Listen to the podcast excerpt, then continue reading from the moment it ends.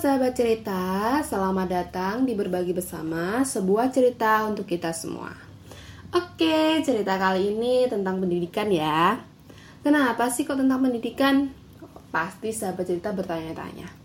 Jadi gini, karena sebentar lagi tahun ajaran baru akan dimulai, pasti sahabat cerita ada yang baru lulus SMA nih. Aduh, seneng nih ya. Udah lulus SMA tapi ingat, gak boleh coret-coret.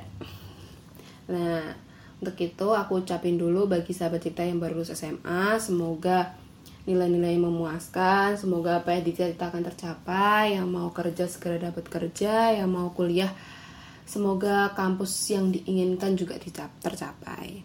Tapi ngomong-ngomong tentang kuliah nih, sahabat cerita masih ada yang bingung mau masuk kuliah yang mana atau jurusan apa gitu? Pasti banyak yang bingung. Karena dulu aku juga gitu.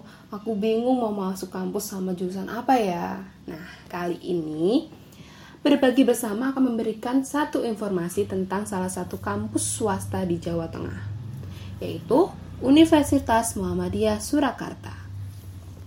Bagi sahabat cerita yang ingin kuliah di Jawa Tengah di Universitas Muhammadiyah Surakarta bisa menjadi salah satu referensi bagi sahabat cerita Kenapa sih kok Universitas Muhammadiyah Surakarta? Jadi gini, Universitas Muhammadiyah Surakarta merupakan salah satu universitas swasta terbaik di antara 170 perguruan tinggi Muhammadiyah di Indonesia. Dan jangan salah, sudah berakreditasi A loh. Wah, keren kan? Nah, untuk sahabat cerita yang belum tahu Universitas Muhammadiyah Surakarta itu di mana, Universitas Muhammadiyah Surakarta itu beralamatkan di Jalan Ahmad Yani Pabelan, Kartasura, Surakarta, Jawa Tengah.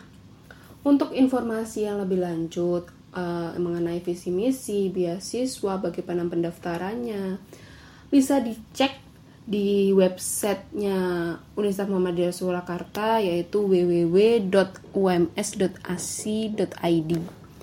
Nah, di sana terdapat beberapa informasi yang mungkin bagi sahabat cerita butuhkan untuk mendaftar di Universitas Muhammadiyah Surakarta. Oh ya, ngomong-ngomong tentang universitas, di Universitas Muhammadiyah Surakarta itu terdapat jurusan atau program studi bagi sahabat cerita yang mempunyai minat di bidang pendidikan, tetapi juga mempunyai bakat uh, untuk broadcasting atau peminatan atau minat minat sahabat cerita untuk mencari ilmu di bidang broadcasting, penelitian gitu. Nah, apa sih jurusannya? Yaitu jurusan Pendidikan Bahasa dan Sastra Indonesia. Wah, itu gimana sih gitu kan? Gimana sih pendidikannya? Gimana sih kuliahnya? Jadi gini. Di Pendidikan Bahasa dan Sastra Indonesia, nanti ada peminatan mata kuliah. Itu ada broadcasting. Nah nanti dibagi menjadi empat mata kuliah. Ada yang penyiaran ada yang penyuntingan ada jurnalistik ada keperpustakaan. Oke jelasin dulu ya.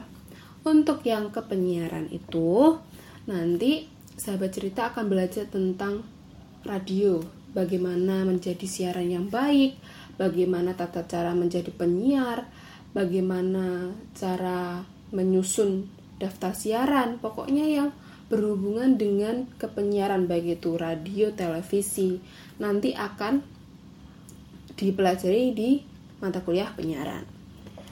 Yang kedua itu mata kuliah jurnalistik. Nah, kalau ngomongin tentang jurnalistik tujuannya pasti ke wartawan atau mencari berita. Ya, benar sekali. Nanti sahabat cerita akan belajar tentang bagaimana sih mencari berita, bagaimana sih menyusun berita, bagaimana sih wawancara itu kayak gitu. Dan selanjutnya itu ada kepenyuntingan. Nah, bagi sahabat cerita yang minat nih atau mempunyai bakat uh, untuk menulis buku atau cerita, novel. Nah, di kepenyuntingan ini nanti sahabat cerita akan diberikan wawasan tentang tata bahasa baik itu penulisannya, bagaimana tanda bacanya, bagaimana penyusunannya. Nanti sahabat cerita akan belajar di kepenyuntingan. Untuk yang terakhir itu ada ke perpustakaan. Nah, ke perpustakaan tuh apa sih? Jadi gini, nanti sahabat cerita kan terjunnya ke pendidikan, otomatis ke sekolah-sekolah dong. Nah, nanti kan di sekolah itu ada perpustakaan. Nah, nanti sahabat cerita akan mendapat ilmu bagaimana sih mengembangkan perpustakaan di sekolah, bagaimana sih menata agar perpustakaan itu banyak diminati oleh siswa-siswa kayak gitu.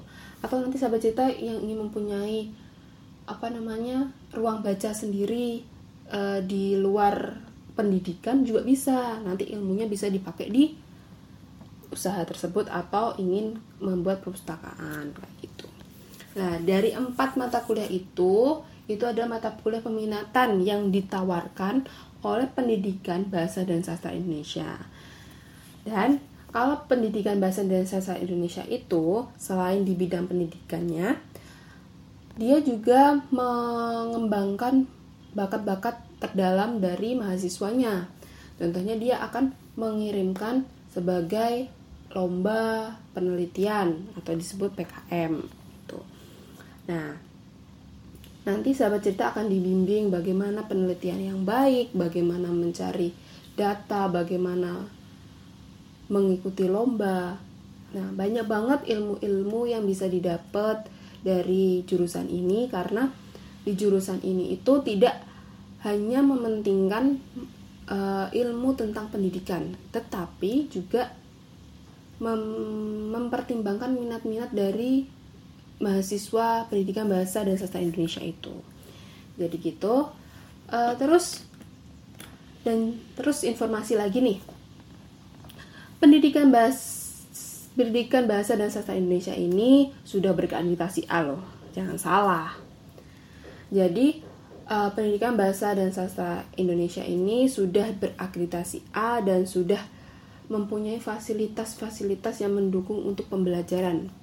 Baik itu lab, baik itu apa namanya? tempat magang untuk profesi profesi atau mata kuliah yang tadi sudah dijelaskan baik itu penyiaran, jurnalistik, kepenyuntingan, keperpustakaan. Jadi nanti mahasiswa dari pendidikan bahasa dan sastra Indonesia itu akan terjun langsung ke ke dunia pekerjaannya baik itu di perusahaan maupun di pendidikan itu. Nah, itu informasi yang bisa dibagikan uh, dari berbagi bersama untuk podcast kali ini. Semoga bermanfaat bagi sahabat cerita. Sampai ketemu di podcast selanjutnya. Salam berbagi bersama sebuah cerita untuk kita semua. Bye.